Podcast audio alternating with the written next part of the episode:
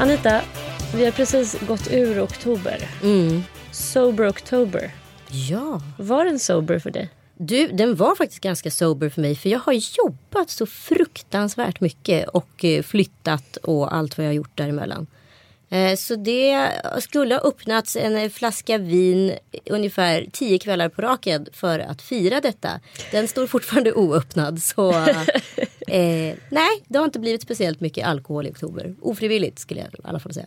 Det här är en kampanj som jag tror start, startades någonstans i Australien av någon som tyckte att så här, hallå, måste vi dricka oss igenom dagarna årets alla månader? Eh, han ville helt enkelt få folk att tänka till lite så det är många som har hakat på det här.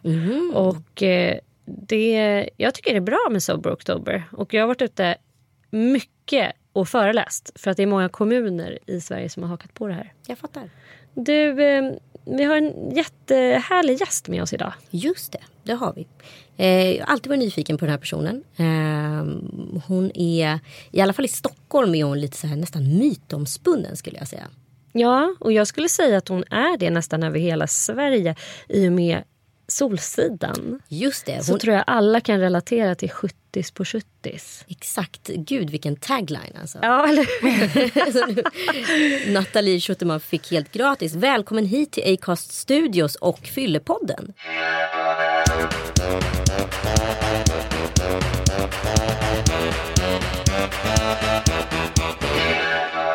Tack för att jag får vara här. Verkligen. Du, jag vill bara säga, hur, eh, hur tyckte du om att man använde din butik på det här sättet i den här serien? Mm, ja, men jag tycker om det. Eh, men samtidigt så vill man ju inte eh, göra liksom all reklam för att det är rea. Men det tjänar man tyvärr inga pengar på. Men eh, samtidigt är det ju... Jag älskar Felix Herngrens filmer och jag älskar Solsidan och hela relationsdynamiken.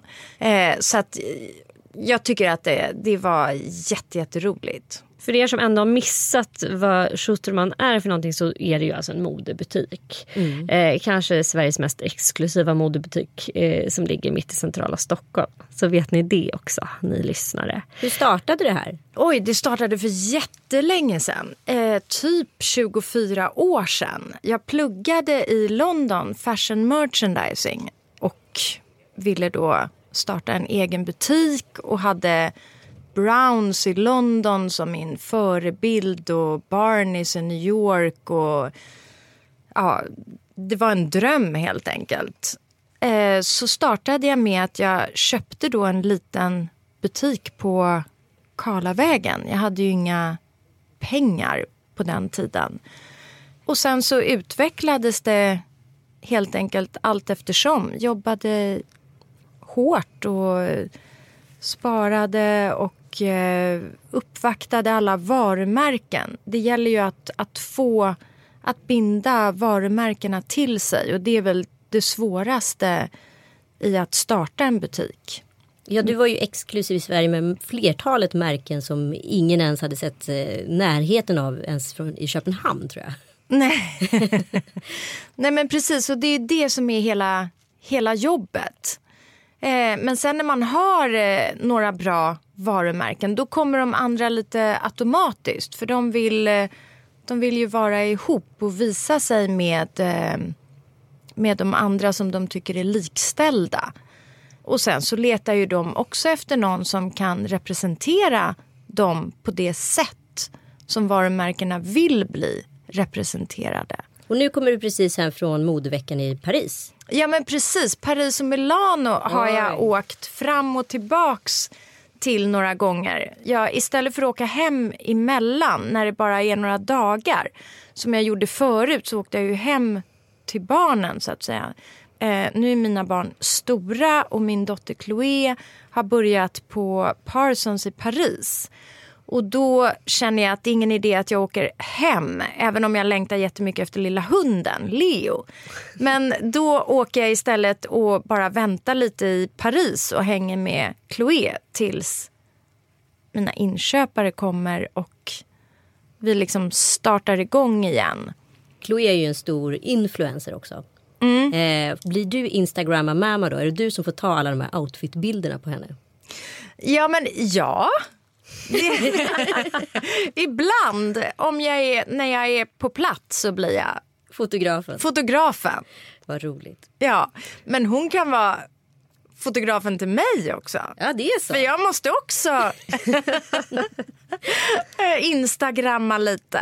Om vi ska prata om en annan mamma, för att Ja. ta oss in på det spåret, Mm. så ska vi prata om din mamma. Vi bjöd in dig hit till Fyllepodden för att vi kom över en eh, artikel, en intervju med dig. Och vi kände så här, för mig i alla fall så var det så här, va? Av någon märklig anledning så kunde jag absolut inte tänka mig att du hade den uppväxt som beskrevs i den här intervjun. Men kan du berätta lite grann, hur, hur växte du upp? Det var ju en skam såklart. Det var ingen annan som jag kände som hade en mamma eller pappa som var alkoholist. Och sen innan jag förstod det så är det ju ett liv i kaos som barnet då upplever. Men jag växte upp då med skilda föräldrar eh, med en pappa som bodde mellan tre länder. Eh, Sydamerika, Sverige och Schweiz. Och då en mamma som, som vi bodde med. Eh, och lite äldre föräldrar också. Min pappa, vi, ni, ni två syskon. jag och min bror. Jag tror han inte heller... När jag blev lite äldre så har jag liksom skylt lite grann eh, på honom också som kunde lämna en alkoholist med sina barn. Det känns ju extremt omodernt idag att en pappa skulle acceptera det. Men på den tiden, och han var 50 år när han fick mig, så han var ju så här född 1917. Så förstod, jag förstod sen när jag så att säga pratade ut med honom att han inte förstod eh, hur han skulle kunna ta hand om två barn och arbeta. Någonting som, jag menar, idag eh, så gör man ju bara det om man är tvungen att göra det. Man tar hand om sina barn. Men det var väl också kanske hela, hela tiden att så här, när sa att, eh, när skilde de sig? På 70-talet? Nej, men de, ja men precis, de skilde sig när jag var, jag kommer inte ens ihåg mina föräldrar som gifta. Mm. Men då var det väl liksom helt i sin ordning att mamman fick vårdnaden om barnen. Ja. Och så var man varannan helg pappa kanske. Ja men I bästa fall. precis. Och Hur gammal var du när du upptäckte att din mamma drack? Ja, men jag tror första minnet så måste jag ha varit så här bara fem år tror jag. Och det var, jag har ett minne av, men det är otroligt liksom blurry, att hon inte tvättade ur schampot i mitt hår. Jag förstod inte vad som hände, vi måste tvätta ur schampot. Och sen kom min pappa då, när han var i Sverige så kom han för att ja, hälsa på på kvällen och se till att allting var bra. Så jag väntade på att han skulle komma hem så att han kunde skölja ut håret. Jag tror att jag, jag förstod att någonting var ju knas med henne. Jag vet inte vad, jag förstod ingenting. Jag var ju bara fem år. Men att jag hade schampo kvar i håret. Och sen allt eftersom så var det ju... Nej men det var ju det här eh, som det beskrivs i, i eh, Alexander Schulmans bok. Det här att man, man ligger i sitt rum och sover eller stänger in sig och bara inte är fungerande. Men vad var det som hände? Liksom? Vad kunde ske? Hur såg er liksom livssituation ut? Nej men hon var periodare. Så att hon blev ju... När, alltså hon drack tills hon stupade i de perioderna som hon drack.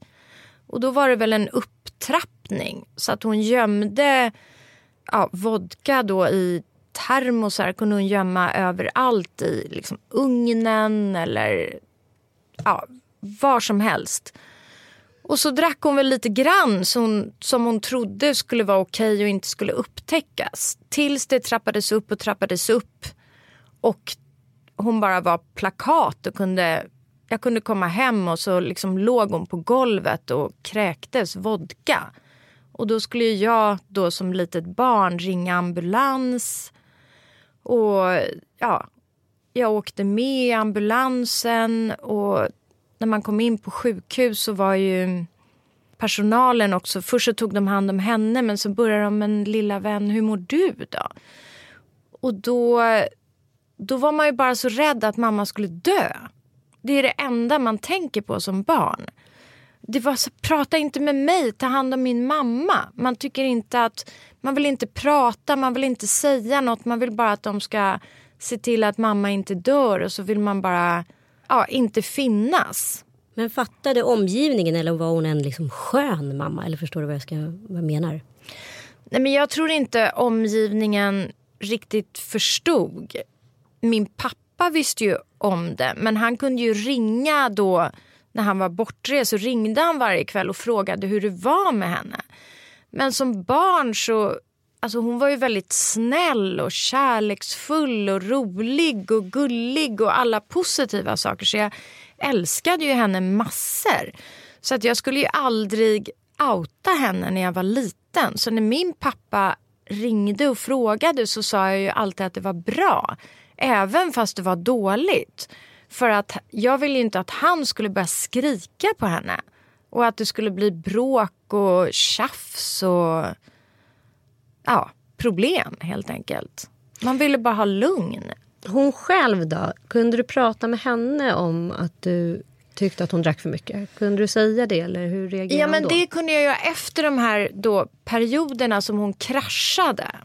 Då kom ju min pappa in i bilden, hennes bror kom in i bilden och då skulle det ju eh, då skulle hon ju in då på något eh, så rehab och sen så hade hon någon sjuksköterska då som, som såg till att hon tog antabus.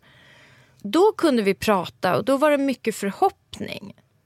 Eh, då var det ju roligt och då trodde man att allt skulle bli bra tills nästa period. Den tiden också av människor, eller kvinna tror jag var mer oupplyst om när de inte mådde bra, vad de skulle göra. Jag tror hon hade jättemycket ångest och var missnöjd med sitt liv. Hon började som modell och var smart och jobbade på ett skivbolag och började, ja, men jag tror hon festade sönder sig själv. Och på den tiden var det ju drinkar. Och sen då när hon fick barn och familj, då var hon väl fast i alkoholen och så var det bara bråk och problem och så skilde hon sig. Så kunde hon liksom inte riktigt vara stark nog och starta ett nytt liv. Utan blev på något sätt ett offer som alla alkoholister, eller de flesta i alla fall, är. De tycker bara synd om sig själva istället för att ta sig kragen och göra någonting åt situationen. Men fick hon... Du säger att det var lite vistelse på rehab och någon sjuksyrra och att det ändå gjordes försök liksom, att hjälpa henne. Eller Hela henne tiden. Men det var ingenting som hjälpte? eller? Nej, men Det var komplext. För den tidens kvinnor de åt tabletter, lugnande tabletter för ångest. Och jag menar, om man har, om man dricker på det sättet så är det klart att man får ångest. Man får ju, alltså, det tar ju flera timmar för ett glas vin då att komma ur kroppen och när det går ur kroppen så är ju det ångestökande. Och det fick jag lära mig, det är den svåraste eh, typen. Det är ju när man blandar tabletter och alkohol. För att när väl det var vi hade fått ordning på alkoholen, ja, då började hon gå till flera läkare, upptäckte vi till slut. Som då hade skrivit ut de här lugnande tabletterna. Så hon hade liksom dubbla recept. Och då skulle man ja, hålla på och ringa till de där läkarna. Och, nej, men det var som en jakt hela tiden. Men hur eh, tror du det har påverkat dig idag? Det här liksom jagandet och hela tiden påpassandet och liksom att aldrig få riktigt slappna av. Nej, men det har absolut påverkat mig på många olika sätt. Ehm, Ja, men dels är det väl en, jag skämde så mycket över min mamma. Så dels så tror jag att, att vara duktig på jobbet är på något sätt en revansch mot att liksom skämmas ögonen ur mig vid varje så här skolmöte. När min mamma kom och kanske var liksom berusad. Och, och ja, nej men det var hemskt. Och så, ja, men jag mår dåligt när det är kaosigt. Alkohol kan vara gott och öka trivseln men det ställer också till många problem. För de som dricker och för de som finns intill och för samhället. För att det ska finnas en motkraft och för att människor ska reflektera över sitt drickande finns den idéburna organisationen IQ. Vill du veta mer? Kolla in iq.se. Men hur har dina relationer sett ut liksom, till andra liksom, vuxna? Har, har, det finns ju en term som kallas för medberoende som man pratar om ofta när det kommer till Ja men precis. Och jag har faktiskt haft en relation där jag blev medberoende igen. Där jag fick rollen som polis, precis som jag var polis åt min mamma.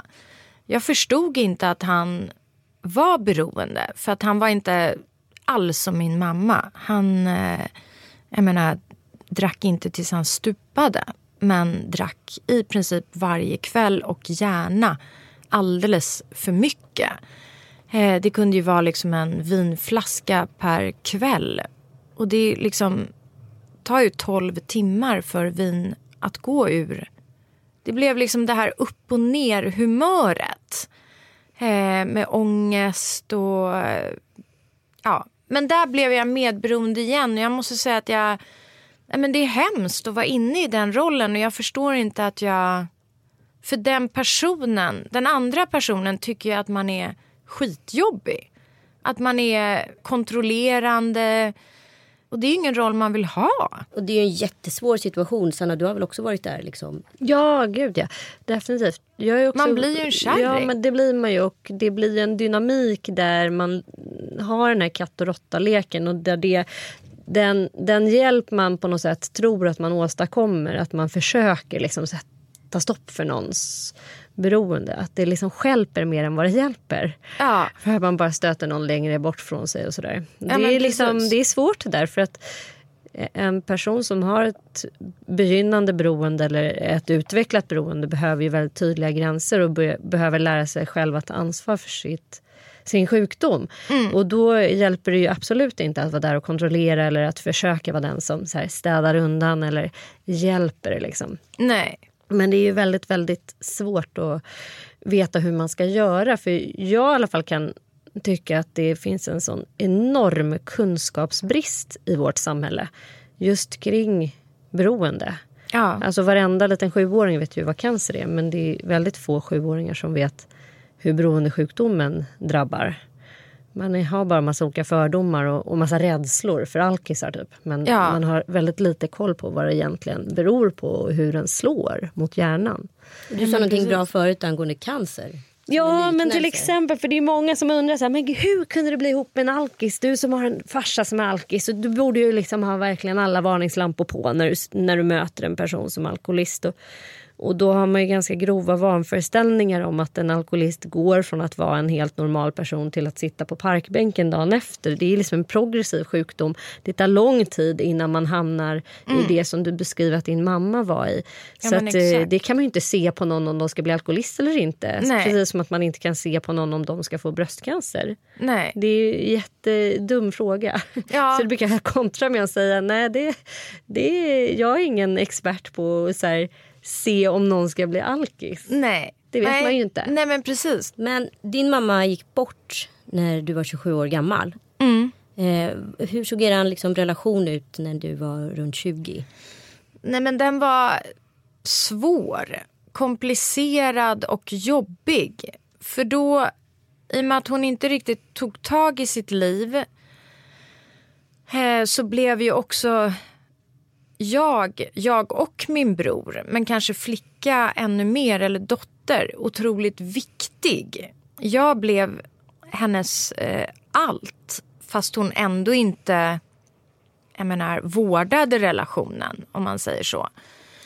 Eh, så att det blev... Eh, när jag då flyttade hemifrån, då, då blev ju hon mer deprimerad och kände sig mer ensam och blev ja, mer ledsen och drack mera.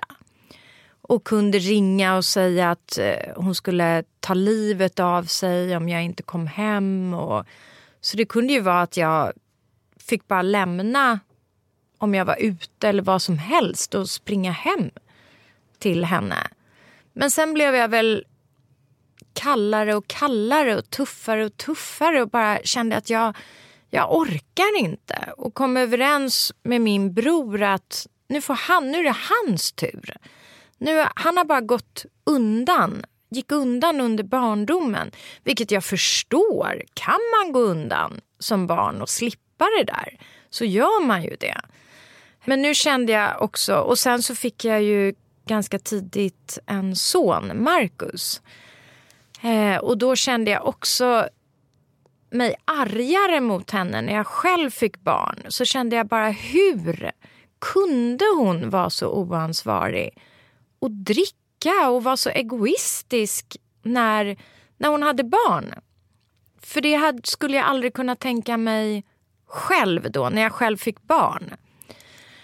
Och sen ville hon ju vara barnvakt och vara del i, i vårt liv. Och, men så kunde jag ju komma hem när hon hade varit barnvakt och ja, men så hade hon druckit.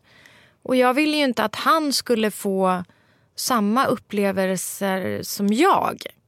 Så till slut så, ja, men du vet, efter tio försök så sa jag bara att det, det går inte. Du, du kan inte vara barnvakt. Och då blev hon ju förkrossad och jätteledsen. Och... Nej, men så att jag tror hela vår relation var otroligt dålig innan hon gick bort. Och hennes alkoholism var eh, ganska grav, måste jag säga, när ingen räddade henne. Vad dog hon av? Ja, hon dog av alkoholism. Det är ju det som är så hemskt. Alkoholism är ju en progressiv sjukdom, som du sa, som alltid slutar med döden. Eller oftast i alla fall. Mm. Om inte personen tar tag i sig själv eller har då en medberoende person som stoppar då och då så att levern kan... Eller man kan liksom rädda den här personen. Hon dog för... Jag menar, jag hade räddat henne eller, och, och, min bror som då var aktiv också. Vi var aktiva båda två i att rädda henne hela tiden. Jag var ensam med Markus en helg som jag såklart var ofta. Och jag ringde då och kontrollerade och hon svarade inte. Så jag ringde min bror och bara du måste gå upp till henne. Nu, nu ligger hon där. Och det, jag menar, då var hon så dåligt shape också så att det var ganska urgent. Och han bara, nej men jag har inte mina nycklar, jag orkar inte, säger han. Och då blev det liksom, men jag, jag tänker inte gå upp med Markus i famnen och se henne ligga där. Jag vill inte att han ska se det. Så att, ja, men det får bära eller brista kände jag. jag. Jag kan inte gå upp och kontrollera, för vi sprang ju upp hela tiden. Så jag sa till min bror, du får bara göra det. Ja, och då till slut, men lite för sent, kom han då och hämtade nycklarna och springer upp och då ligger hon ju där, död. Och det är ju på typ 24 timmar. Vi kontrollerar henne hela tiden. Så att, eh, ja men det är fruktansvärt. Och det är ju...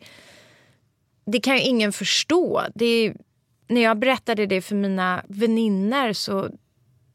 Alltså för dem är det absurt att jag inte gick upp med Marcus eller att, du vet, att man inte räddade henne. Men känner du skuld? Alltså det var så många år. Fram till, alltså från fem år till då 27 år som jag varje dag räddat livet på henne. Åkt med ambulanser, jag menar kommit hem, bäddat om, alltså räddat henne från att dö. Så att, Alltså jag bara, vill man inte leva så kände jag till slut så... Alltså jag vet inte vad jag ska säga. Det är bara förjävligt. Det är inte så att jag tänker på det varje dag. Men jag tycker, jag tänker på att själv vara en kvinna som, som lever motsatt liv från min mamma. Jag tänker på att vara en kvinna som är tacksam för det jag har. Som varje dag är tacksam över att få leva. Jag tänkte just komma till det. Har du någon gång varit rädd för när man har en mamma som dricker på det här sättet eller är på det här sättet. Har du någon gång känt så här, tänk om jag skulle bli likadan? Ja men absolut. Och när jag har haft då olika singelperioder, speciellt när jag var yngre, så kunde jag ju såklart dricka på, ja, när, det var, när man gick ut och fest och så. Och det jag liksom inte klarade riktigt av det var att se mitt svullna ansikte på morgonen efter. För då såg jag min mamma. Och jag var ju liksom de sista tio åren så himla liksom det låter hemskt, jag älskade henne massor men jag var också extremt äcklad av henne. Hon var så liksom svullen och ohälsosam. Det, tränar ju ingenting, bara drack. Så det blir liksom det här som en tunna i mitten. Kvinnor som dricker de får ju på något sätt någon stor diafragma. Och så jättesmala armar och ben då utan muskler. Och sen då det här svullna ansiktet. Så jag tror att jag bara kände att eh, nej men jag fick ångest.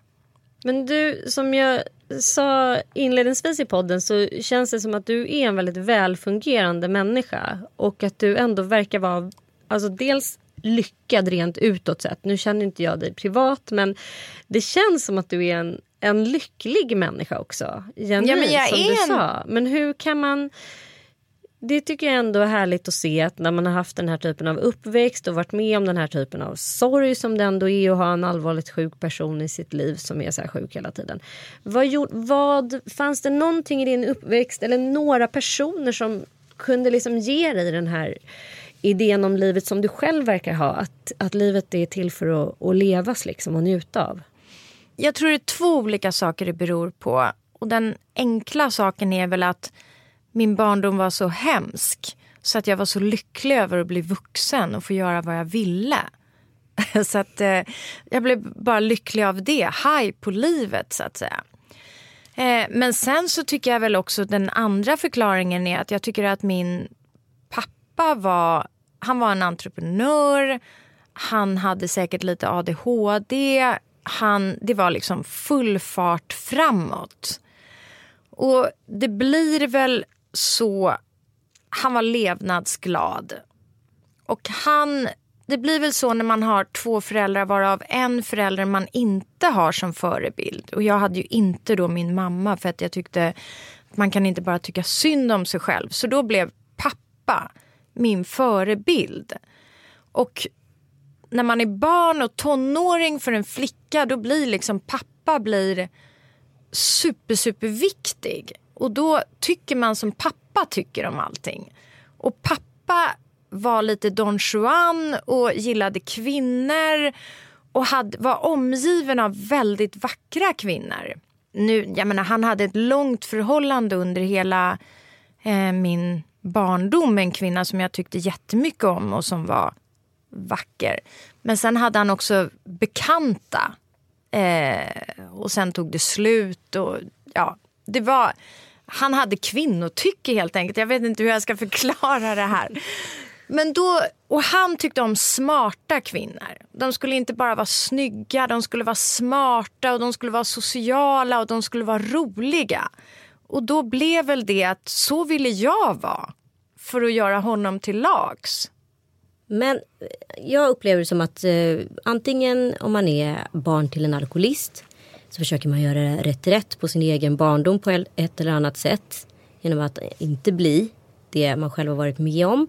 Eller så faller man in i samma mönster. Eller så, hur, hur, hur har liksom du hittat din styrka? Vad är, det som liksom, vad är det som skiljer dig om du pratar med en annan person som har en alkoholiserad förälder? Ja, men jag har eh, väninner som alltså mina närmsta väninnor har alkoholiserade föräldrar. Eh, det blir så.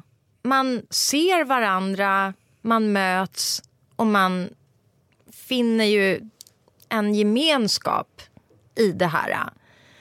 Och jag måste nog säga att jag tycker alla av, de, av mina väninnor ändå är lyckliga och glada idag och har ett vettigt eh, sätt att se på alkohol. Det är roligt att du säger det, för det är precis jag har samma erfarenhet. Ja. Eh, när jag var liten, alltså när jag var barn, alla som jag sökte mig till som en liten så magnet hade visade det sig sen föräldrar som också hade problem med alkohol. Det var ja. ingenting som man så initialt letade efter utan det bara det var så bara. Och jag ja. tror att man som du säger söker det för att det är där man hittar förståelse och det är där man kan, så här, utan att prata om det så kan man ändå känna sig accepterad och slippa skämmas på något sätt. Ja men för att precis. man vet att någon har det likadant. Exakt, har upplevt det där hemska. Men du, du har ju två barn själv. Mm. Hur har du tänkt eh, kring dem och ditt, e din egen alkoholkonsumtion? Eller hur Har du tänkt så här, så här vill jag att deras uppväxt ska vara och jag vill att den ska vara fri från alkohol? Eller hur har du resonerat? Nej, men jag har resonerat att den ska vara så normal som möjligt. Jag tycker inte om ja, varken eller. Jag är ingen renlevnadsmänniska själv. Men hälsa och välmående är viktigt. Jag tycker man kan leva efter devisen typ att 10 onyttigt eh, är 90 nyttigt. Eh, sen tycker jag också att det är, vad gäller flickor så tycker jag att vara så här tjatig mamma är svårt. Eh, man vill inte att relationen blir dålig för att man, jag vet ju att jag är, kan vara väldigt vad ska vi säga, perfektionistisk och vill inte överföra det. Jag har förstått som nu i, i min ålder, och, eller även yngre, men att flickor som har haft mammor som varit för perfekta, de mår dåligt av det. De på något sätt eh, ja, strävar efter att bli likadana eller gör revolt jag vill bara att mina barn får en normal uppväxt och får upptäcka själva. Men sen har vi ju inte... Vi dricker ju inte alkohol till, eh, till maten. Vi har aldrig gjort det hemma. Så att jag tror de har växt upp med att man inte gör det till vardags. Och att... Eh, alltså en full person är ingen rolig person att vara med. Det är en ganska pinsam person. Sen är det ingenting jag vill tjata på dem om. Eller, jag, menar, de, jag, jag vill att de utvecklas själva och jag vet att båda dricker när de partar. Och Det är helt normalt. Och Då får de göra det, men de måste ju lära sig sina egna gränser. Jag vet att min son, nu ska jag kanske inte prata om honom, men jag tror inte han, det gör någonting, men både han och jag, vi blir lätt sjuka. Om vi har haft en partykväll och så ska man upp och jobba och da, så, så får man lätt eh, ja, men ont i halsen dag nummer två eller något sånt. Så att man måste lära känna sin egen kropp och hur mycket man klarar av. Och det är så olika från person till person. Och det tror jag faktiskt är också... Jag tror det har med alkoholism att göra. Att det verkar som de tål mycket, mycket mer än de som inte blir alkoholister. Jag skulle inte kunna... Om jag drack som den mannen jag har varit, haft en relation med jag, menar, jag skulle inte vara en fungerande människa. Jag skulle bli sjuk, jag skulle inte orka upp, jag skulle inte kunna leverera. Jag, min arbetskapacitet skulle sjunkas rejält. Men det verkar som de på något sätt inte bryr sig eller eh, fungerar bättre. Ja, alkohol eh, fungerar väl olika på alla. Ja, det gör ju det. Men jag tror att också det är det här handling konsekvens tänket. Mm. Jag tror de tänk, de har inte det tänket lika mycket som vanor, eller de som inte är beroende. Ehm, Nej, men jag fungerar ju ju- inte heller dagen efter om jag har Nej. druckit. Och vissa är ju, blir ju bara liksom bättre.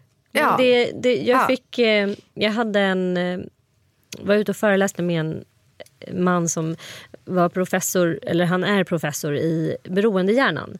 Ja. Och han förklarade för mig, för jag var så här, kan du förklara på vilket sätt det här är en hjärnsjukdom? För jag har varit ganska så här, eh, anti hela sjukdomsbegreppet tidigare. Ja. Han bara absolut, här, får du, här ska jag visa dig en hjärna.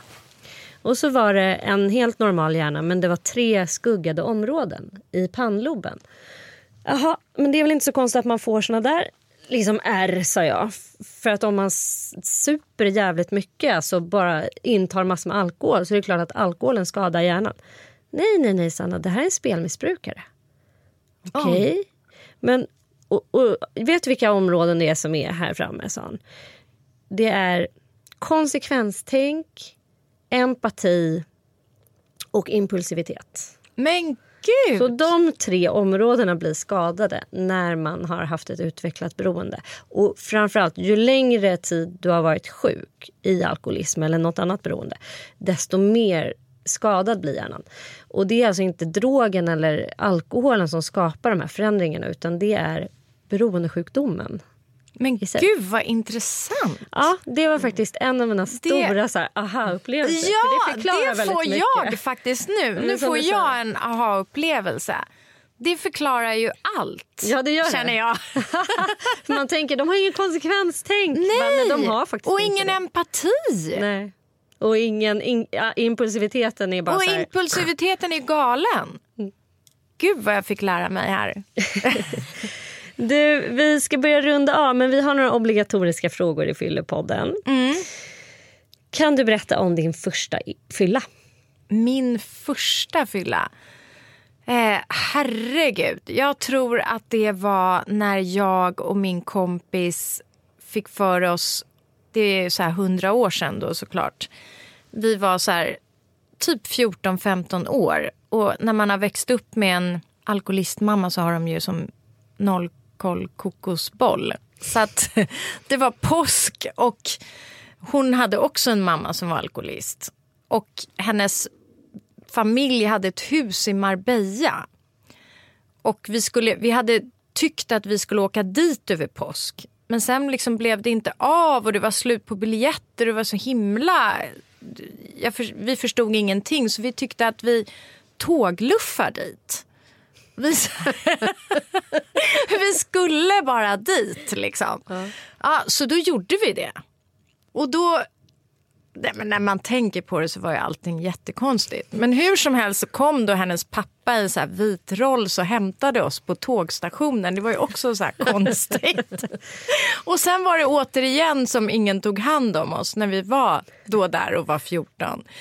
Och då kom jag ihåg att jag blev då drack för första gången och gick runt i den här hamnen och var helt berusad i Marbella. Liksom, och hon var någon annanstans och jag var helt ensam och det bara snurrade. Nej men hemskt var det. Jag kommer bara ihåg att det var vidrigt. Tack snälla Nathalie för att du kom och gästade oss i Fyllepodden. Är du intresserad av dina eller andras alkoholvanor gå in och gör ett test på alkoholprofilen.se. Den här podden görs i samarbete med IQ.